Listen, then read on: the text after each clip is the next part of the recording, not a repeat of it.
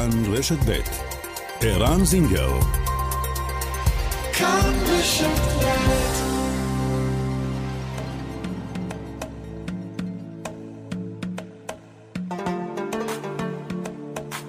מרחבת, מגזין לעניינים ערביים בארץ ובעולם, עם ערן זינגר. مرحبت مجلة تتناول شؤون العرب في البلاد والعالم مع عيران زنجر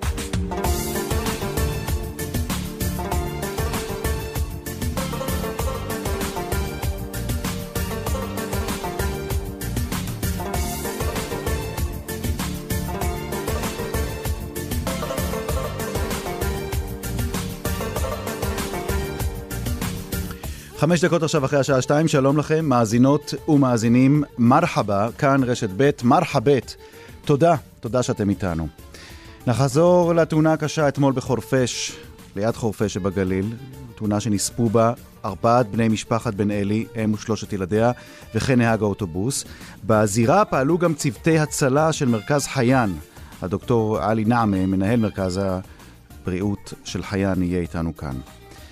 הקורונה והלימודים בבתי הספר, מערכת החינוך בחברה הערבית פועלת כרגיל, והתלמידים לומדים כרגיל. כיצד נערכים שם כשעיקר התחלואה, כך על פי הדיווחים, היא דווקא בבתי הספר? אנחנו נשאל את uh, העורך דין נדים מסרי, יושב ראש ועד ההורים הארצי בחברה הערבית.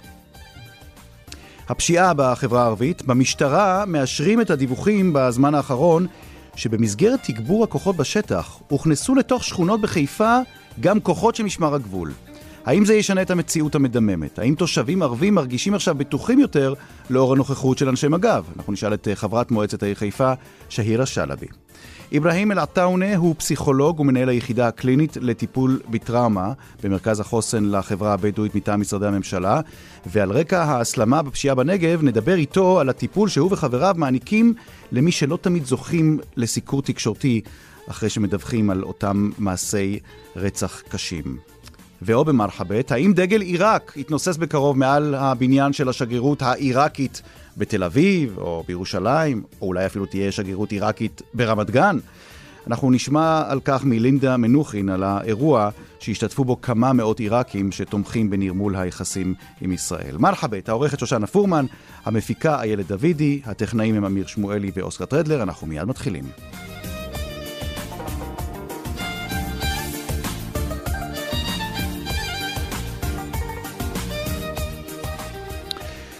אנחנו אה, פותחים בנושא הקשה הראשון לתוכנית שלנו היום כאן אה, במרחבת. בעוד פחות משעה יתחיל בבית העלמין במעלות מסע הלוויה של ארבעת בני משפחת בן אלי, האם מורן ושלושת הילדים שלה, דקל, ליאם וענאל. הם נספו אתמול בתאונה הקשה ליד חורפיש שבגליל, ואיתנו דוקטור עלי נעמה, מנהל למרכז אה, המרכז הרפואי חייאן. שלום לך. שלום לך יקירי. דוקטור נעמה, אה, אתמול אתם גם הצטרפתם לאותם אה, כוחות שפעלו בשטח במסגרת המאמץ לטפל שם ולפנות את הנפגעים כמה שיותר מהר לבתי החולים. וממה שאני מבין, האנשים שלך אה, חזו שם במראות שלא נתקלו בהם הרבה זמן, נכון? נכון. קודם כל, תרשי לי וברשותך, לשדר תנחומיי למשפחת הילדים, זו אבדה מאוד גדולה וקשה במיוחד בילדים האלה, ובנוסף לאחל החלמה מהירה לכל הפצועים בשמי ובשם כל צוות חייל. וגם מכולם. אנחנו, כן. אנחנו קיבלנו את הקריאה וקיבלנו דיווח, והנהלים בחברה כשזה מדובר באוטובוס, קודם כל לא ניקח סיכון, אם האוטובוס ריק, אף אחד לא מפסיד, אנחנו חוזרים כל אחד למקומו. אבל במידה ויש פגיעה ברמה כזו, וזה אוטובוס, ופגיעה ישרה עם עוד רכבים, לא לקחים סיכון, מזניקים כל הכוחות שעומדים לרשותנו. אנחנו הזנקנו למקום שמונה אמבולנסים שהם רכבי ביטחון, עם צוות מלא, ושתי ניידות טיפול נמרץ. האירוע מאוד קשה. אירוע קשה במיוחד שאתה מגיע לילדים נפגעים. אלה לא יודעים לנתח את המקרה, הוא לא יבין שאני, אולי אני פצוע קל. הוא לא יבין שאני פצוע קל, הוא יבין שאני פצוע קשה. הוא רחוק mm. מההורים, הוא רחוק ממי שיכול לתת לו גיבוי מורלי גם בנוסף באותו רגע. המקרה מאוד קשה, הם לא יודעים לנתח מה איתי, מה יהיה איתי, לאן אני אגיע. יותר גרוע מהפגיעה עצמה. ובנוסף, עוד פגיעות, פגיעות גופניות. רגע, רגע, לפני. הפגיעות הגופניות, אתה אומר נקודה מעניינת, אתה אומר שכשמדובר בילדים והם הם אחוזי חרדה לאור מה שקרה, אה, אנשי הטיפול בשטח, כלומר האנשים שלך, אנשי חיין, צריכים גם לדעת איך להתנהל ואיך להתנהג כדי לטפל באותן חרדות מיידיות בשטח, נכון? אתה צודק מיליון אחוז, אתה צריך להיות גם באותו זמן, גם פסיכולוג, גם פסיכיאטר, גם אבא, גם אמא, גם מטפל. אתה קודם כל צריך לה- איך להגיע למצב, להרגיע אותו, להסביר לו שהוא בינתיים במצב טוב, בידיים טובות, הוא ייקח מה שמגיע לו, ב- בחיים נור- נורמליים, לבוא איתו בקשר לילד הזה. הוא לא מכיר אותך, להביא אותו בקשר ייקח לו זמן עד שיעכל מי אתה. דמיין לעצמך אחרי פגיעה כזו קשה, טראומה כזה, בתאומית קשה, לכל נוסעי האוטוב- האוטובוס, איך תוכל להיכנס לשדה שלו ולהרוויח את האמון שלו ולהרגיע אותו. זה, זה, קודם כל אתה צריך להרגיע אותו. בנוסף, יכול להיות שאתה תלך לכיוון שהוא יטעה אותך, או, או תגובה שלו היא תגובה מוגזמת, הוא, לא- הוא אפילו אם זה תאונה אה, עם פגיעה קלה, הוא לא ילמד אותה, הוא לא יקרא אותה נכון, הוא יגיב בצורה מוגזמת. אז אתה צריך ללכת לכיוון שלו וללמוד אותו לעומק. את כל זה, ואת כל זה האנשים שלך ראו אתמול בשטח. אתה, אתה זוכר אתמול סיפורים ש, שהצוותים שלך, שכבר אנשי חיין, שכבר עובדים שנים, אה, כבר 30 שנה אתם קיימים, נכון? נכון. אתה זוכר איזה סיפור שאחד האנשים שלך אתמול שחזר מהשטח, מחורפיש, אמר לך, זה, זה עוד לא ראיתי, דבר כזה עוד לא קרה לי. לא, גם אה, מהאירוע אנחנו חווינו בשנה, לצערי הרב, בשנה הזאת גם אירוע מירון וגם כאן. שני האירועים האלה משאירים אה, טראומה גם לאנשי צוות, תדע לך כעם. במיוחד שיהיה לילדים, לילדים יש תחושה אחרת ויש כיוון אחר. אה, מי שרואה את התמונה של הילדים שנספו, זיכרונה לברכה, מזעזע, לא יודע, נכון. ילדים, ילדים יש להם אה, נקודת חולשה אצל האנשים, כל האנשים, אם זה צוות רפואי, אם זה צוות אנשים עוברי אורח, אם זה מי שיהיה, יש להם תחושה אחרת ויוקרה מסוימת. אתה רואה תמונה של הילדים, שלושתם שנצפו, זה מעורר בך כל הרגשה הלא נעמה שבעולם. אז עכשיו הצוות מגיע ורואה יש ילדים וסובלים, ו- וזה צריך מהם מאמץ כפול. הם צריכים להפגין כל הכוח בפניהם ולעזור להם ולטפל בהם. ושני רופאים היינו שמה, וצריך לאבחן גם אותם נכון, שלא נפספס אבחון מסוים עם איזה ילד. אז זה, זה לא קל, זה לא קל, זה מכניס כל הצוות לטראומה. ילד זה גוף מאוד יקר. אני לא אומר ששאר החולים לא, אני לא מזלזל בשאר. החולים, אבל ילד, ילד יש לו, הסבל שלו, סבל שזה כואב. ילד, אם הוא סובל לפניך, מי, מי, מי שאתה רוצה, יסבול מולו. הבסיס שלכם, המקום שממנו יצאו אמבולנסים, זה מהמפקדה שלכם, נכון? בכפר יאסיף? בכפר יאסיף אנחנו הזמנו אמבולנסים, הזמנו כל הכוננים, הזמנו פרמדיקים שהם כוננים, ושלושה רופאים שהם גם כוננים במערכת, והפעלנו שני נתנו ואמבולנסים רגילים למקום, והמדיניות הייתה שתנגיע, ושלא יצטרכו אותנו כיף, אנחנו רוצים להגיע ולראות שכולם מטופלים, ובאמת הגענו וטיפלנו בפצועים, ועברנו לבתי החולים, ועבדנו מול כל החב- הגופי ה... בוא נגיד, הרפואה בוא נגיד. זהו, זה- זאת הנקודה, התאונה הייתה כל כך קשה, והוכרז אה, אה, אר"ן, אירוע רב נפגעים. נכון, אני מניח נכון. ש- אני מניח שלכולם הייתה עבודה אתמול, לכם ולמד"א, ולא לא הייתה חסרה עבודה שם. כל, כולם עבדו וכולם טיפלו, וגם לא אנחנו גם, איחוד הצלה גם היה. נכון. גם אה, אנשי איחוד הצלה היו, היו חופשים שעברו במקריות שם וטיפלו, אולי גם היו רופאים שאני לא הספקתי לראות אותם או לזהות אותם. אני לא חושב שיש בן אדם שמינימום רפואה בתחום החיים שלו יכול לתת עזרה ולא היה עוצר ולא עוזר בתאונה כזו.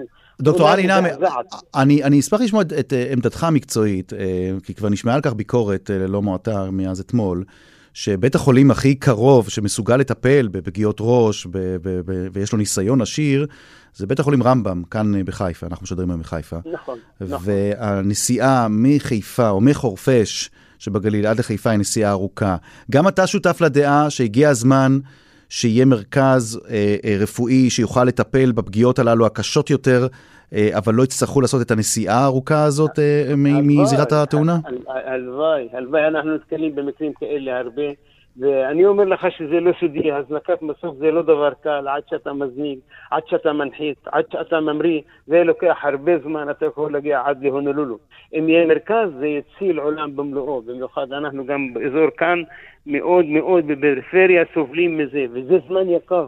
זה זמן של, בוא נגיד, פגיעת ראש, דימום, זה דבר מאוד מאוד לא קל, ואבחון לא קל, ושצריך טיפול מיידי והתערבות אנשי מקצוע ברמה הכי גבוהה לעזרה הכי תקינה. אז, אז אם יהיה כאן מרכז רפואי, יציב כל העולם. יציב כל נקווה, העולם. נקווה שלפחות אה, מהאירוע הקשה הזה, אה, משהו, המסקנות אה, אה, יוסקו, ושלא יהיה בו צורך, לא במרכז הזה ולא במרכזים השם. רפואיים אחרים. בעזרת השם. אמן. הדוקטור עלי נעמה, מנהל מרכז אה, רפואי חיין, תודה, תודה רבה לך. תודה לך. תודה לך, החלמה מהירה.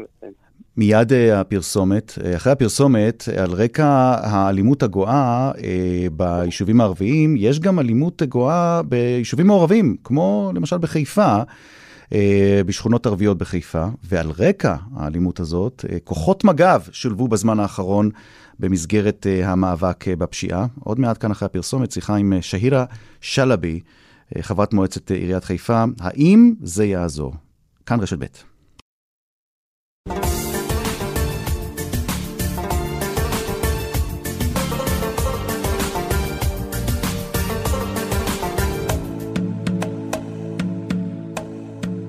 ועכשיו איתנו חברת מועצת העיר חיפה, שהירה שלבי. שלום לך. שלום אירן, מה נשמע? כיפק, מה, מה שלומך? ניחא, ניחא, משי. סולטן. אנחנו מדברים כי uh, בימים האחרונים נפוצו דיווחים והמשטרה מאשרת אותם, שבמסגרת המאבק בפשיעה המשתוללת, כאן בחיפה יש uh, כבר תגבור של כוחות מג"ב בשכונות הערביות, שיש חשש שהמצב שם uh, יסלים יותר. מה את יודעת על זה? האמת לא, לא הרבה, אני יודעת הרבה על זה מהתקשורת. עוד Mhm. לא, לא היה דיווח רשמי מעיריית חיפה וגם לא מהמשטרה, לא היה לנו ישיבת מועצת העיר שמציגים את זה. רק מה שאני קראתי ומה שאני שומעת מכלי התקשורת. מה זה עושה uh, לאזרחים הערבים, לתושבים ולתושבות הערביות בחיפה, uh, באותן שכונות שבהן אומרים שהמשטרה מתגברת כוחות במג"ב? כמה זה מגדיל או מגביר את תחושת הביטחון? תראה, אני, אני לא יודעת אם זה מגביר את תחושת הביטחון. באמת, אה, כי, כי אני, השאלה שאני שואלת פה, זה אם זה פותר את בעיית הפשיעה. זה, זה מה שזה הכי מעסיק אותי. כי um, הפשיעה בחיפה וגם בחברה הערבית בכלל, זה משהו שצריך בילוש, זה עבודת בילוש, זה עבודת מחקר. לבדוק מי הם ראשי הכנופיות האלה, מי הם ראשי משפחות הפשע האלה וקבוצות הפשע ולתפוס אותם, על מנת למנוע מהם לחלחל אל תוך השכונות. כאילו, Mhm. וזה מג"ב לא עושה. כאילו, יכול להיות שאנשים יתחילו להרגיש כאילו שהם יותר בטוחים או שלא יפגעו בהם, אבל זאת לא הבעיה של חיפה, זה לא רגע, שאתה רגע, הולך ברחוב. תכף נדבר על הבעיה של חיפה, כן. ואולי בעיה כן. של מקומות אחרים, אבל, אבל מבחינתו של האזרח הערבי, כן.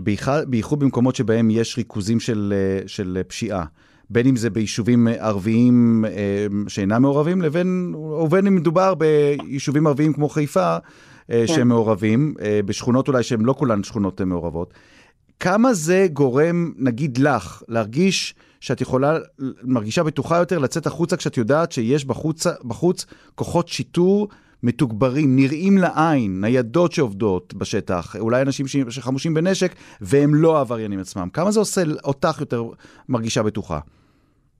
אני, אני, לא, לא, זה לא, זה לא מה שאני מחפשת, ואני חושבת שזה גם לא מה שהאזרחים מחפשים.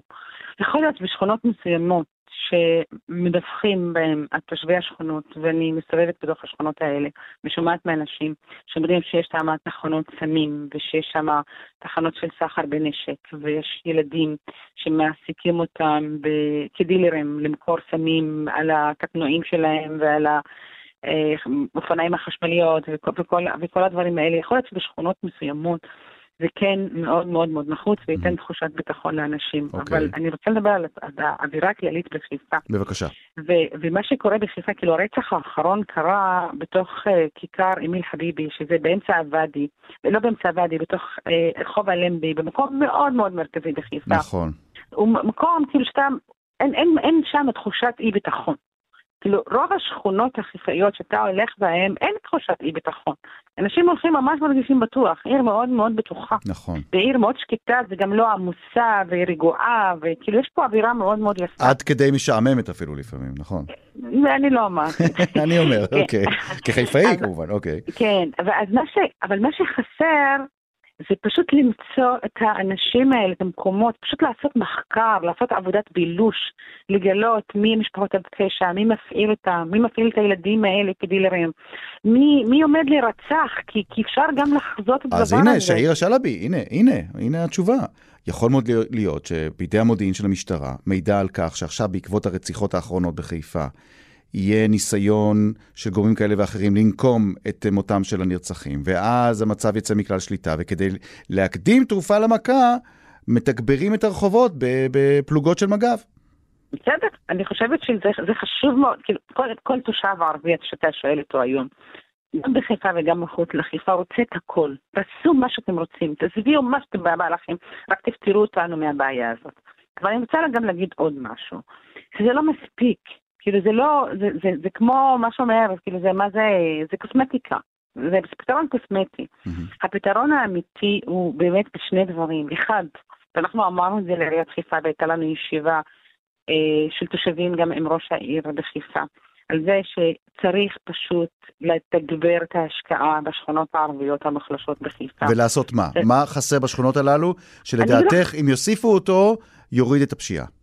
ברור, אני, אתה יודע מה, אני רוצה להגיד לתת לך, לתת לך דוגמה. מספרת לי עובדת סוציאלית שבאחד השכונות, היא עשתה שם סיור, עובדת סוציאלית קהילתית, אומרת לי אין צעירים בשכונה. בדקה איפה הצעירים שבשכונה, כולם בבית סוהר. וואו. כולם, כאילו כל הצעירים, רוב הצעירים של השכונה הזאת, אני פוגשת את האימהות, הן בוכות על זה, שהילדים שלהם ברגע שהם נפלטים לרחוב, יש מישהו שקולט אותם. משפחות הפשע, כאילו ארגוני הפשע, לא משפחות הפשע, ארגוני הפשע, קולטים אותם מיד. מעסיקים אותם. ילדים עניים, למחרת יש לילד הזה איזה ג'יפ מרסידס עם אה, שחור עם אה, גלגלי מגנזיום, אוקיי? זה, זה מפתים אותם. ואנחנו צריכים כעירייה היום, באמת, כאילו עיריית חיפה צריכה לתת פיתוי מסוג אחר לילדים. צריכה להם תוכניות העצמה, תוכניות מנהיגות. צריכה פשוט למנוע נשירה מבתי ספר. תלמידים שמונשרים מבתי ספר, צריך לתת להם אלטרנטיבות. צריך להשקיע בספורט. צריך להשקיע בתרבות, באומנות, בתיאטרון. בוא תראה את המצב של חלק מהמתנסים בחיפה. פשוט זוועה. זוועה, יש, או, או במקומות שיש לך בניין מפואר, אין לך תוכניות, אין תקציב לתוכניות, אין תוכנית למדריכים. תנועות נוער, כאילו יש בחיפה מעט מאוד מאוד מאוד תנועות נוער שנותנות שירות לנוער הערבי. יש אולי תנועה אחת. כשיש לך עשרות שנותנות שירות לילדים היהודים. עד כמה זה תפקידה של העירייה, או לחילופין תפקידה של המדינה, של הממשלה, ברמה הארצית, הלאומית, לטפל בנקודות האלה שאת מעלה כאן? הנקודות האלה זה תפקידה של העירייה. והעירייה יכולה לבוא ולהגיד, אני, יש לי תוכנית לאומית, להגיש אותה למשרדי ממשלה ולקבל על זה תקציבים. זה mm. בהחלט תפקידה של העירייה. המדינה, כאילו דעתי, אם אתה פונה בתוכניות אה, טובות, וזה יכול להיות שתתקצב, וגם אם לא תתקצב, עיריית חיפה יש לה מלא כסף, היא יכולה לתקצב גם בתקציב העירוני. זה תפקידה של העירייה. זה, זה אחד, אמרתי, זה דבר אחד שצריך לקרות. הדבר השני, זה פשוט המשטרה צריכה למצוא את הקודקודים של הדברים האלה. פשוט למנוע, למנוע את, ה, את, ה, את ה, הארגונים האלה מלהשיג עוד יותר תקציבים ולהשיג עוד יותר משאבים ולהשיג עוד אנשים ולסבך אנשים בתוך עולם הפשע. כשאת מעלה את הרעיון הזה שהעירייה צריכה ליזום כל מיני יוזמות כדי שהיא תוכל להתחרות במה שארגוני הפשע מציעים לאותם צעירים שאחר כך מגיעים לכלא מה, מהרחוב הערבי או מהחברה הערבית, את מקבלת אוזן קשבת בעיריית חיפה היום כשאת מעלה רעיונות כאלה? אני תמיד מקבלת אוזן קשבת. אוזן קשבת יש. השאלה מה יוצא מזה. זאת השאלה, והתושבים כן מבקשים. תקשיב, זה לא רק התושבים, גם ארגונים, ארגוני החברה האזרחית, וגם הפעילים השכונתיים. כשאני מדבר על אוזן קשבת, אני מדבר על האוזן הספציפית של עינת קליש רותם, ראש העירייה. כשאת אומרת לה את מה שאת אומרת לנו כאן עכשיו, מה היא אומרת? כן, היא מאוד תומכת. היא מאוד מאוד תומכת, וגם במפגש שהיה לה עם תושבים לפני שנה, עם תושבי שכונת חליסה בעקבות רצח של אחד הבחורים שם. הם באו וגם הציגו גם את הבקשות שלהם, היא תמיד, היא אומרת שכן, היא רוצה לשקם, וצריך לתקן, וצריך להשקיע בחברה הערבית. היא אומרת שתקציב העירוני של השנה הבאה מכיל המון המון המון השקעה בעבודה במתנ"סים ובקהילות, אבל אני עדיין אומרת שזה לא מספיק. זה לא מספיק, צריך תוכנית מאוד מאוד ספציפית שיקראו לה, אני יודעת מה, מלחמה בפשיעה בחברה הערבית. Mm. כאילו, חשוב מאוד להחזיר את הביטחון, אבל זה לא מספיק, זה לא יפתור את הבעיה. שהירה שלבי, חברת מועצת אה, העיר חיפה, אני מאחל לנו שנדבר אה, בזמנים טובים יותר ושמחים יותר ובטוחים יותר. תודה רבה לך. תודה רבה. תודה רבה. להתראות. אנחנו uh, נשארים בכל מה שקשור uh, למאבק uh, בפשיעה ולהשלכות של התגברות הפשיעה ברחוב הערבי. עד עכשיו דיברנו על חיפה, על הצפון, עכשיו ננוע דרומה לאזור הנגב. מה עובר על ילדים שאימם נרצחה? מי מטפל בילדים האלה? ועד כמה ערים בתוך החברה הבדואית לצורך להעניק סיוע נפשי למי שאיבדו את יקיריהם באירועי האלימות, באירועי הפשיעה האחרונים בחברה? איתנו אברהים אלעטאונה, שלום לך. שלום, שלום. אברהים אל-עטאונה, פסיכולוג ומנהל היחידה הקלינית לטיפול אה, בטראומה במרכז החוסן לחברה הבדואית מטעם משרדי הממשלה, וגם הקואליציה הישראלית אה, לטראומה. אה, אנחנו שומעים הרבה מאוד, על, על, כשאנחנו מדווחים בחדשות, מה זה שומעים? אנחנו משמיעים, אנחנו, אנחנו התקשורת, אנחנו החדשות. אז אנחנו, למשל, אותו סיפור של אישה שנרצחה בלקיה לפני כמה ימים. אמ, והמעצרים שהמשטרה עשתה כדי לנסות ולבדוק מי, מי עשה את המעשה הזה, והעובדה שגם בני משפחה נרצחו, בני משפחה נחקרו בחשד לאותו רצח, את זה אנחנו שומעים. מה שאנחנו פחות שומעים, אברהים אל-עטאונה, זה איזו השפעה יש למעשים האלה פנימה בתוך המשפחה, וכאן נכנס התפקיד שלכם, נכון?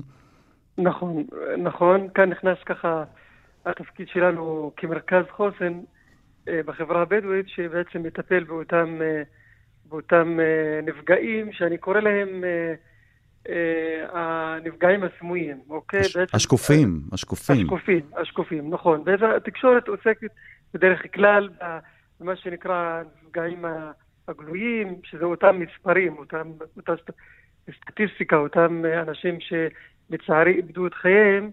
אבל אנחנו תמיד פוגשים אה, אה, את מי, ש, את מי שנשארים, אה, אלו שנשארים ככה עם, ה, עם הטראומה הנפשית והפגיעה הנפשית, והם זקוקים ככה לטיפול ותמיכה, וזה, וזה, אוכלוסייה מאוד גדולה.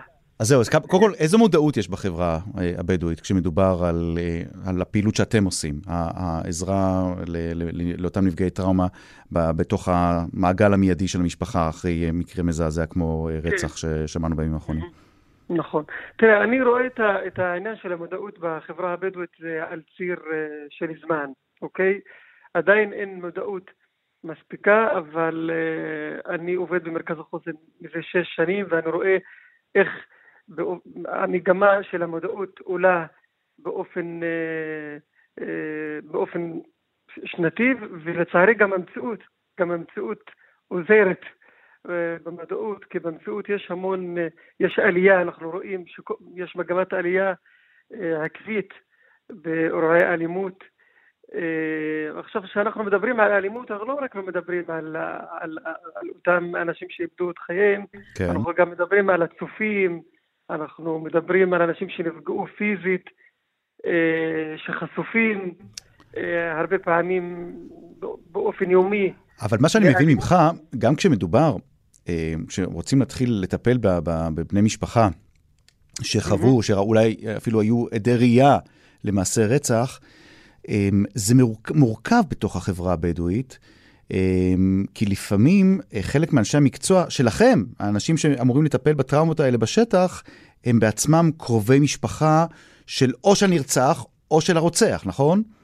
נכון. תראה, היישובים בחברה הבדואית הם, הם, הם מורכבים בעצם מהמבנה השבטי, כלומר, אה, בדרך כלל תמצא כמה משפחות גדולות, אה, והמבנה השכונתי, היישובי, הוא של, של, של, של, של משמר את המבנה השבטי, ובדרך כלל אנשים אה, עובדים ביישובים, ביישובים שלהם, והרבה פעמים אנחנו באמת פוגשים את מה שאתה אומר, ש, שאת המציאות המשותפת של אותו איש מקצוע עם אותו בן אדם, שעב, משפחה שעברה אותו אירוע, שיכול להיות איזושהי קרבה קרבה משפחתית שמייצרת אה, מורכבות. המורכבות הוא לא במובן... רגע, בוא תסביר את זה. זהו, האם זה, האם זה מייצר עד כדי כך מורכבות שאולי מטפל יגיד, אני לא יכול לטפל בו, אני לא יכול לטפל באותו אדם שזקוק עכשיו לעזרה, כי אני בא מהמשפחה של הרוצח.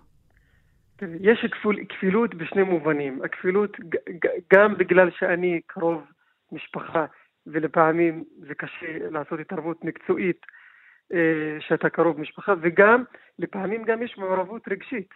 אם אני קרוב משפחה, אם אני מכיר את, אה, את, מי, ש, את מי שנרצח, את מי שאיבד את חייו. אנחנו פוגשים הרבה מקרים, גם במקרים של... אה, יש מקרים של רצח, נגיד, יש מקרה מסוים שאנחנו, אותה נרצחת הייתה צורכת את שירותי הרווחה ומגיעה באופן, באופן עקבי, אז כולם הכירו אותה. Mm. ואז מעבר לעניין המקצועי, לפעמים גם יש את הקושי הרגשי של המתערבים אה, לבצע את, ההתערבויות האלה, ולכן חלק, מה, חלק מה, מהעשייה שלנו במרכז החוסן היא בדבר הזה, במפגש בין, בין האישי למקצועי, לאיך אנחנו מייצרים את ההפרדה הזאת. אברהים, אברהים אלטאונה, פסיכולוג ומנהל היחידה הקלינית לטיפול בטראומה במרכז החוסן, האם נתקלת בסיטואציה, במקרי הרצחה, מקרי הרצח שהיו בזמן האחרון בנגב, שמטפל שלכם אמר, אני לא יכול לטפל במשפחה הזאת, כי זה, איך אתה כינית את זה? זה ייצור מורכבות. זה קורה לפעמים? אנחנו פוגשים את ה... שמטפלים אומרים, קשה לנו, קשה, קשה לנו לעשות את ההפרדה, ואנחנו זקוקים לעזרה שלכם בשביל לעשות את הסיוע הנכון. חד משמעית כן. הבנתי. אמ, עכשיו, מה עוד? איזה עוד, מורכבות, כשאתה מדבר על מורכבות, איזה עוד מורכבות אתם נתקלים בה כשמדובר בטיפול הספציפי באוכלוסייה הזאת בנגב, שהוא לא בא לידי ביטוי כשמדובר על טיפול בחרדות ובטראומות באוכלוסיות אחרות? תראה, אנחנו מדברים קודם כל על, אה, אה, פגיעה בכל מיני מעגלים, אוקיי? כי זה אה, גם, גם מבחינת הידע התקשורתי שזה מקבל, גם על תחושת ביטחון אישי שלי, שאני יודע שמישהו בשכונה, בשכונה אחרת או קרוב משפחה שלי נפגע או, או עלול סטטיסטית להיתקל באיזושהי פגיעה פיזית ממשית, אני חושב שזה מאוד uh, פוגע בתחושת, בתחושת uh, uh, uh, ביטחון של, uh, של אנשים מהחברה, מהחברה, מהחברה הבדואית. אותם אזרחים שרוצים לחיות uh, חיים uh, uh, uh, נורמליים. אני גם כפסיכולוג חינוכי, כאיש חינוך, מאוד uh, דואג לגיל הצעיר, שכל הזמן חשוף, שנוצרת אצלם איזושהי הפנמה והבנה שזאת המציאות, ואני לא רוצה שזה מה שיהיה. רגע, רגע, אתה נוגע פה נקודה חשובה. אולי תסביר את זה למי שלא חיים בתוך החברה שלך ולא רואים את זה בצורה יומיומית. למה אתה מתכוון? אני מתכוון ברגע שאנחנו חשופים ושומעים על אירועי אלימות, על אירועי רצח, אותו גיל צעיר. אותו דור, הדור, הדור הצעיר. אותו דור צעיר, בדיוק. שגודל הרי זה, זה, מה שהוא, זה מה שהוא מכיר, וזה מה שהוא רואה, וזה מה שהוא שומע. זאת הנורמה מבחינתו. כן, בדיוק. וזאת, וזו לא נורמה, אוקיי? אני, לא- ו, ו, וזה, וזה, מה ש, וזה מה שמדאיג, כי אני בטוח שהפגיעה היא מאוד מאוד מאוד, אה, מאוד עמוקה.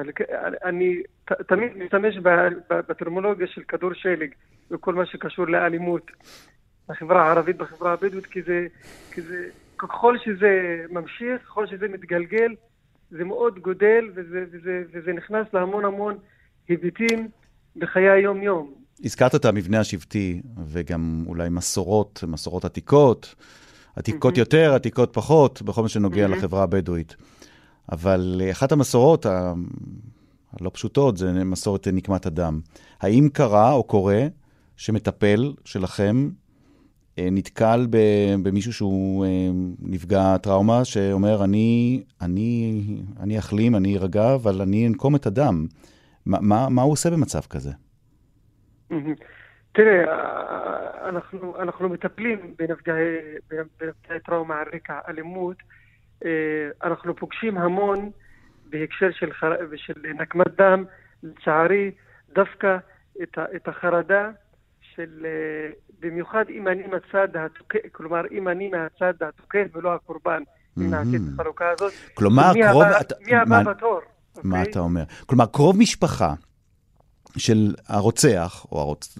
במקרה הזה הרוצח או הרוצחים, mm-hmm. שיבוא אליכם ויגיד, אה, אני, אני פוחד שאולי אני אהיה הבא בתור, כי אני קרוב לרוצח, אף על פי שאני לא רצחתי ואני לא פשעתי, נכון? נכון, חד משמעית, הוא יכול לחיות בחרדה קיומית, אוקיי? של מי... אה, האם אני, האם אני הבא בתור, אני, האם אני חלק מה, מהמעגל, מהמעגל הזה. זה, זה משהו שהוא מאוד, אה, אנחנו פוגשים אותו אה, די הרבה. טוב, למי שלא מכיר בחברה אה, שלך את המספרים שלכם, או איך מגיעים לקבל מכם סיוע, מה, איך מגיעים אליכם באמת לקבל סיוע, מה, מה צריך לחייג?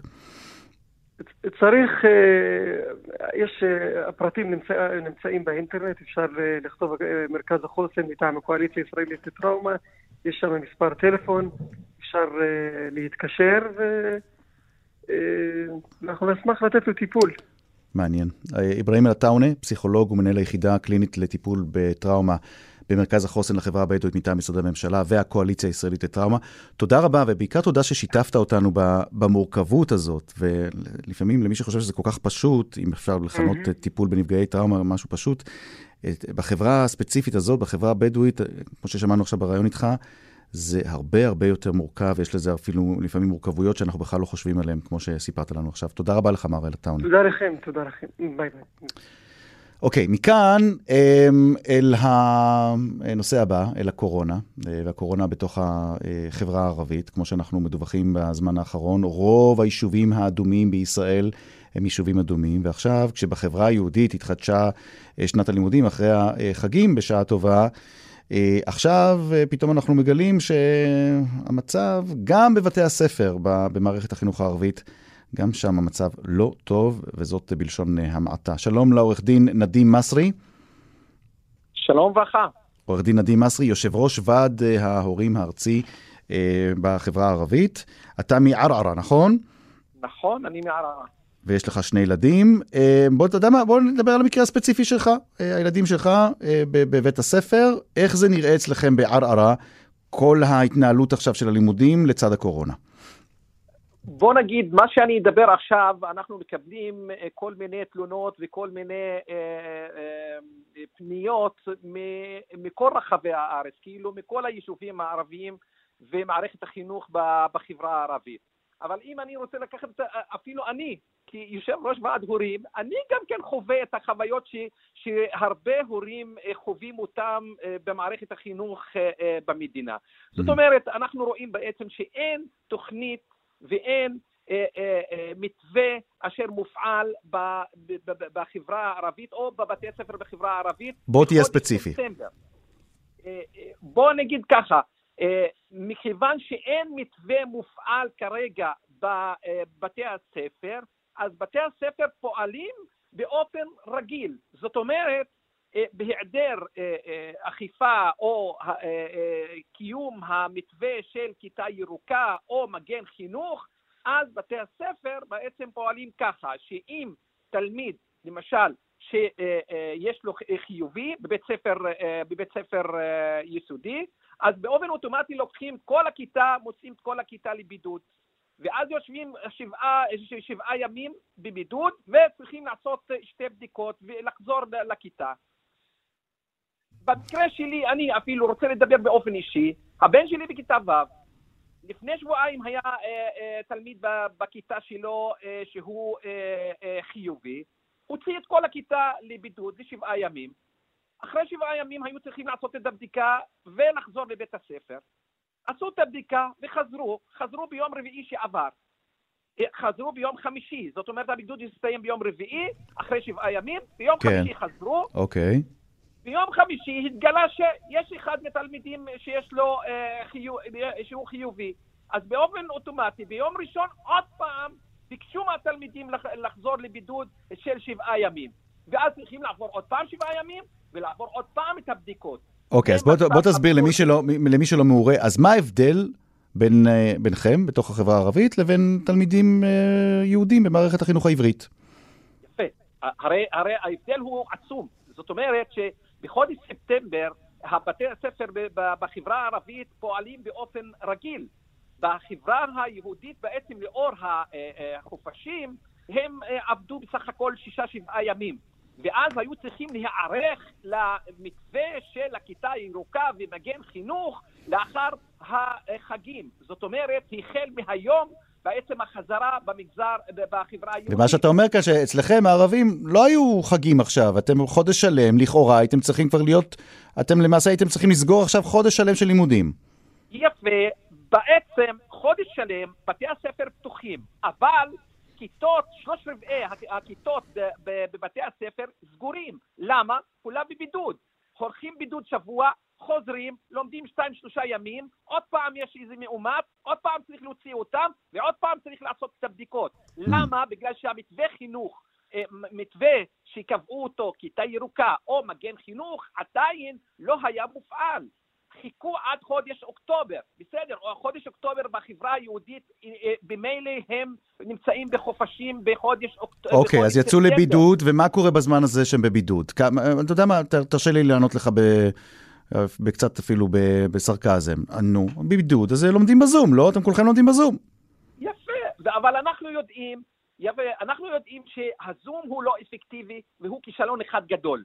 ושנית, עדיין, עדיין, ואני אומר זה עדיין, כבר שנה וחצי אחרי uh, מגיפת הקורונה, ועדיין התשתיות לא מוכנות. אה, אה, אה, יש חוסר של מחשבים וממצאי תקשורת עם בתי הספר. לכן ברור וידוע וזה מוכח שבעצם הלמידה מרחוק היא לא אפקטיבית והיא לא כל כך יעילה מכיוון שיש הרבה בעיות בדרך ולכן השאיפה שלנו היא בעצם להימנע מלמידה מרחוק. אלא במקרים בעצם ש, שבאמת שאין אה, אה, דרך אחרת אה, לעשות אה, לימודים, אה, לבצע את הלימודים אה, פרונטליים מתוך בתי הספר, אז אה, אין, אה, אין ברירה שאז אה, יכולים לעבור ללמידה מרחוק. אבל כשאנחנו, אה, בעצם המגמה שלנו, פתיחת שנת הלימודים כסדרה ולימודים פרונטליים מתוך בית הספר ו, אה, ואישור המתווים, בעצם כל המתווים של כיתה ירוקה, מגן חינוך, אושרו באוגוסט. אז למה צריך, אושרו באוגוסט, ולא הייתה היערכות להתחיל בחודש ספטמבר. ועל מי, על, ועל מי האחריות? על מי אתה מטיל את האחריות למחדל הזה? המחדל הוא uh, כפול. אחד, על uh, uh, משרד החינוך, mm-hmm. משרד החינוך והרשויות המקומיות. אנחנו יודעים שבעצם אחת הבעיות שבעצם הייתה, היא שהתשתית או הלוגיסטיקה שהייתה צריכה להיות מוכנה על מנת להפעיל את תחנות הבידוק מתוך בתי הספר ולהכניס את המתווה של מגן חינוך, היו צריכים לעשות שם בתוך בתי הספר אה, תחנות בידוק ו... אה, וזה לא קרה, וזה לא קרה. וזה לא אה, קרה, ולמה רוצה... לא קרה? כן. אחת הבעיות הייתה עם הרשויות המקומיות שעדיין לא מינו נאמני קורונה לפי המתווה. Mm-hmm. והמשל"ט שקבעו אותו במשרד החינוך התחיל לפעול בחודש ספטמבר והוא קרב. טוב, בוא נתקדם. מה עושים? אז מה אתם עושים עכשיו כדי לשנות את המציאות הזאת? כמה למשל אתה מקבל אינדיקציות שהורים אה, לילדים, אה, הורים ערבים, משפחות ערביות אה, מוכנות עכשיו להתחיל לאסוף את ערכות הבדיקה ולהתחיל לשלוח את הבדיקות האלה בזמן כדי שהתלמידים יוכלו להתנהל בצורה יחסית נורמלית? כמה זה הולך לקרות? לצערי, אתמול, היום בעצם היו צריכים להגיע לבתי הספר עם הבדיקת האנטיגן. שחילקו אותה, או היו אמורים לחלק אותה קרה? לכל, לכל התלמידים. לצערי, ואתמול נתנו הנחיה למנהלי בת, בתי הספר, תלמיד שאין לו את הבדיקה אה, של אנטיגן, הוא לא יכול להיכנס. אלא מה, יש מקומות, ואני אומר לך, למשל בערערה, רק אתמול, בשעה שלוש, הגיעו המשלוח של הבדיקות של אנטיגן. אז מתי אפשר לחלק אותם על הבתי ספר? מתי אפשר בעצם mm-hmm. לחלק אותם להורים? ואיך אתם מביאים את, ה, אה, אה, את הערכות יום לפני, בצהריים, ולמחרת אתה אה, מתנה את הכניסה של התלמידים לבתי הספר עם הבדיקה של האנטיגן. Mm. אני בעצם התנגדתי לזה ואמרתי שאתם לא יכולים לעשות דבר כזה, זה בלתי הגיוני וזה בלתי אפשרי שאתם מדברים על בדיקות אנטיגן שהם כבר שבועיים ואתם מספקים אותם יום לפני, שאפילו שלא יכולים לחלק אותם על התלמידים. תנו לפחות עד יום ראשון. תנו הערכה, אתם סיפקתם, למשל, במקומות שסיפקתם אותם רק אתמול, תנו עד יום ראשון להתחיל בזה. עוד שאלה לי אליך, עורך דין נדים אסי, יושב ראש ועד ההורים אה, בחברה הערבית, אה, מה לגבי החיסונים? איזה תפקיד יש לכם, אה, ועד ההורים הארצי של ההורים הערבים, איזה תפקיד יש לכם במאמץ לשכנע את מי שלא התחסנו עד עכשיו, או לפחות לא, לא, לא, לא, לא, לא השתכנעו שצריך להתחסן. מה אתם עושים? כי אנחנו רואים שעל פי הנתונים, שיעור ההתחסנות בחברה הערבית נותר עדיין נמוך מאוד בהשוואה לחברה היהודית.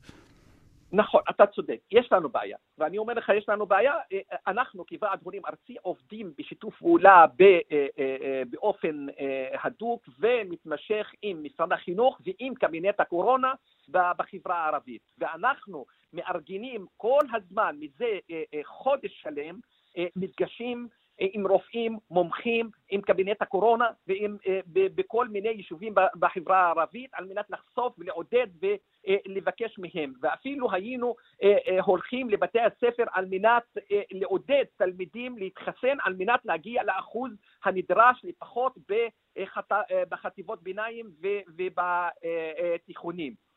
יש עלייה, יש עלייה, אבל עדיין לא הגענו למצב של אחוזים טובים.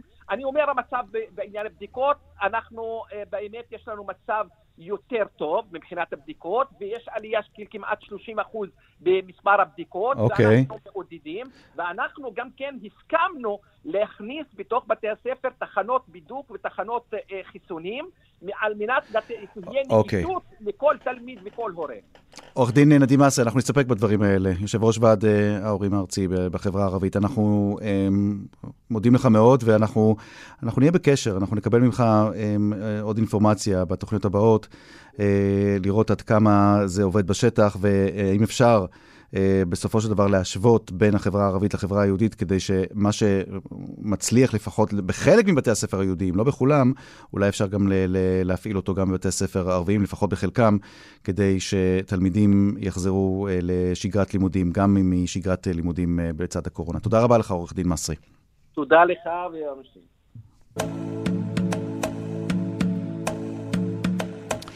עכשיו אל האורחת האחרונה והחביבה שלנו, לינדה מנוחין, שלום לך.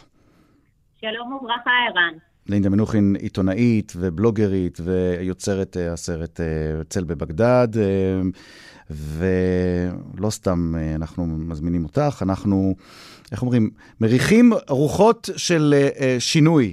שמגיעים מכיוון עיראק. לא יודע אם בגדד עצמה, תכף נדבר על בגדד, אבל לפחות צפון עיראק. בימים האחרונים... Okay.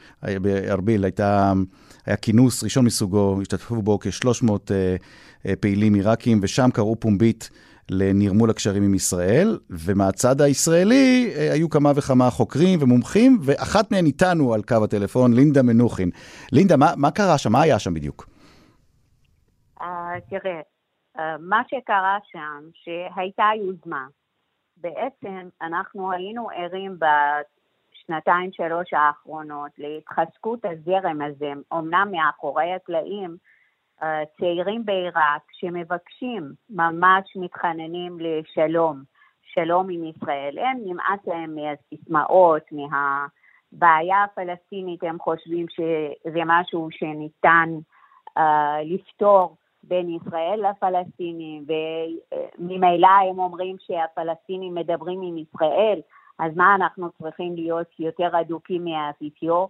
עד כמה היוזמה הזאת, גם על רקע הבחירות אה, שבאות ומתממשות בעוד כמה ימים בעיראק, mm-hmm. ויש תסכול רב, אה, תסכול רב, ואפשר לומר גם ייאוש, אין צפי לנהירה לקלפיות, כי פשוט האנשים האלה כבר לא מאמינים בשינוי, מדוכאים, ומבחינתם השלום עם ישראל בעצם בהצטרפות להסכמים של, שנחתמו בין ישראל לבין בחריין והנסיכות ומרוקו, אז מבחינתם זה גם מודל.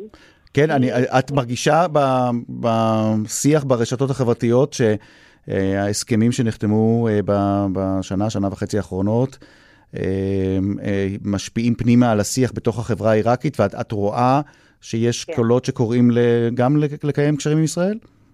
כן, תראה, יש הבדל בין שיח פומבי לשיח בין החדרים.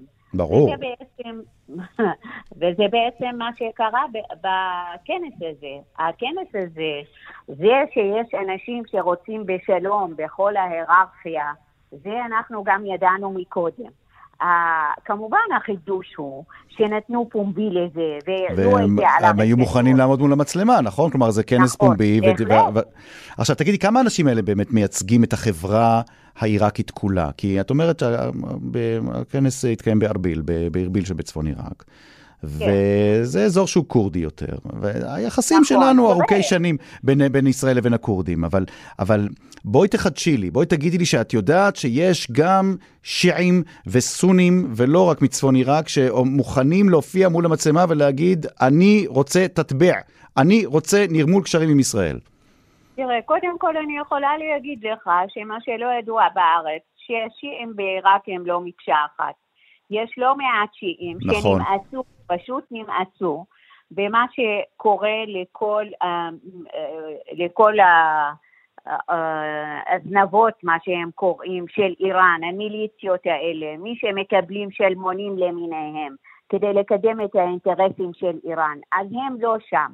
יש מקשה גדולה של שיעים שהם לא מוכנים למכור מה שנקרא אה, את עצמם לשטן הגדול. אבל תראה, יש הבדל בין זה שאתה לא רוצה לבין זה שאתה תעמיד את עצמך באור הזרקורים, כשימים, כמה ימים קודם אה, נשלחו טילים, כן, לעבר ארביל, וארביל נחשבת למקום מאוד בטוח, ולכן הכנס התקיים שם.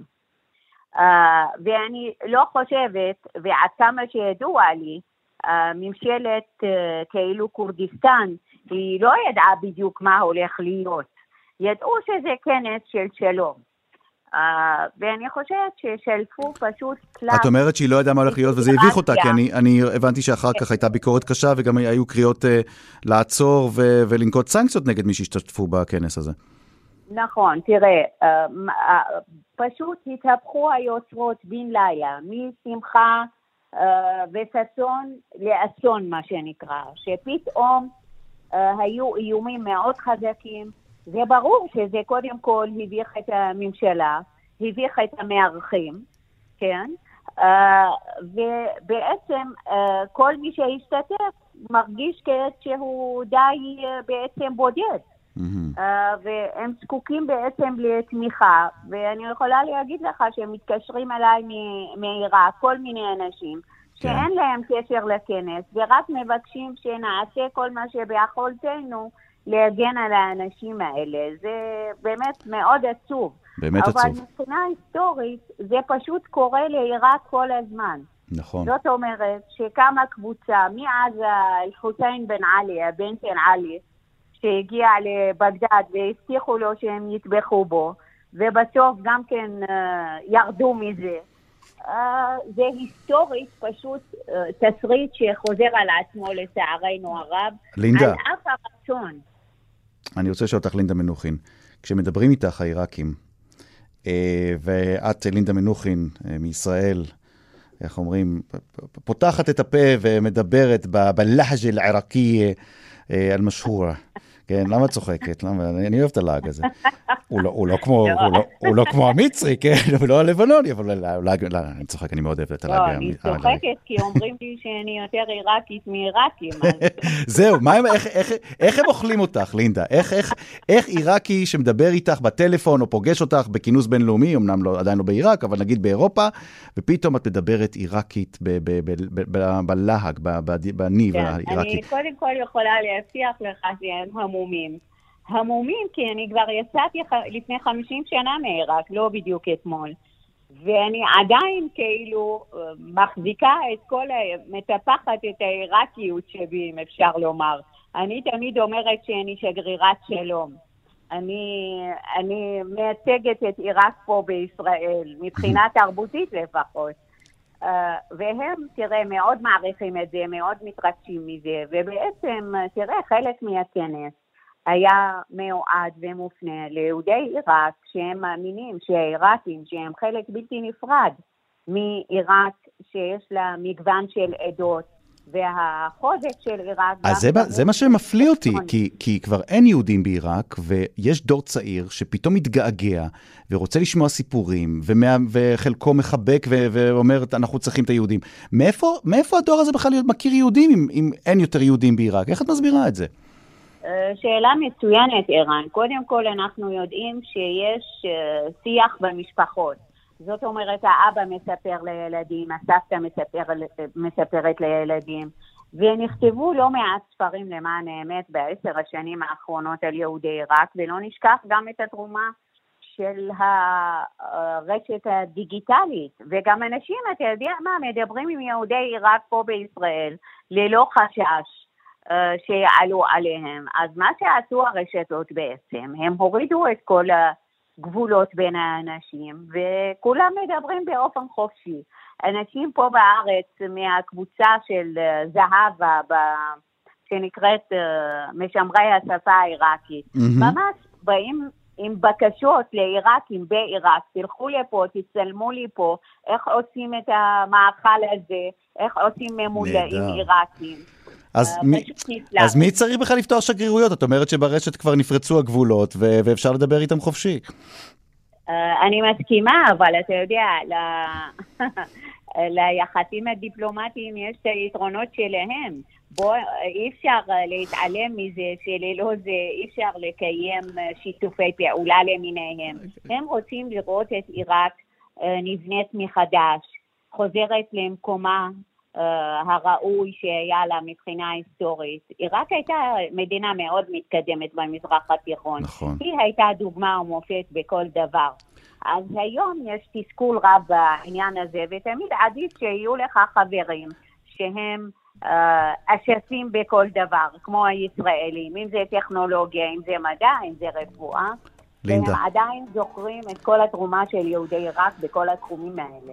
לינדה מנוחין, תמיד תענוג לדבר איתך, עיתונאית, בלוגרית, יוצרת הסרט אצל בבגדד. תודה רבה לינדה, תודה רבה על הדברים האלה, ואינשאללה בקרוב בשגרירות אה, הישראלית בבגדד, או בשגרירות העיראקית ברמת גן, זה רק מתבקש. תודה רבה לינדה. תודה.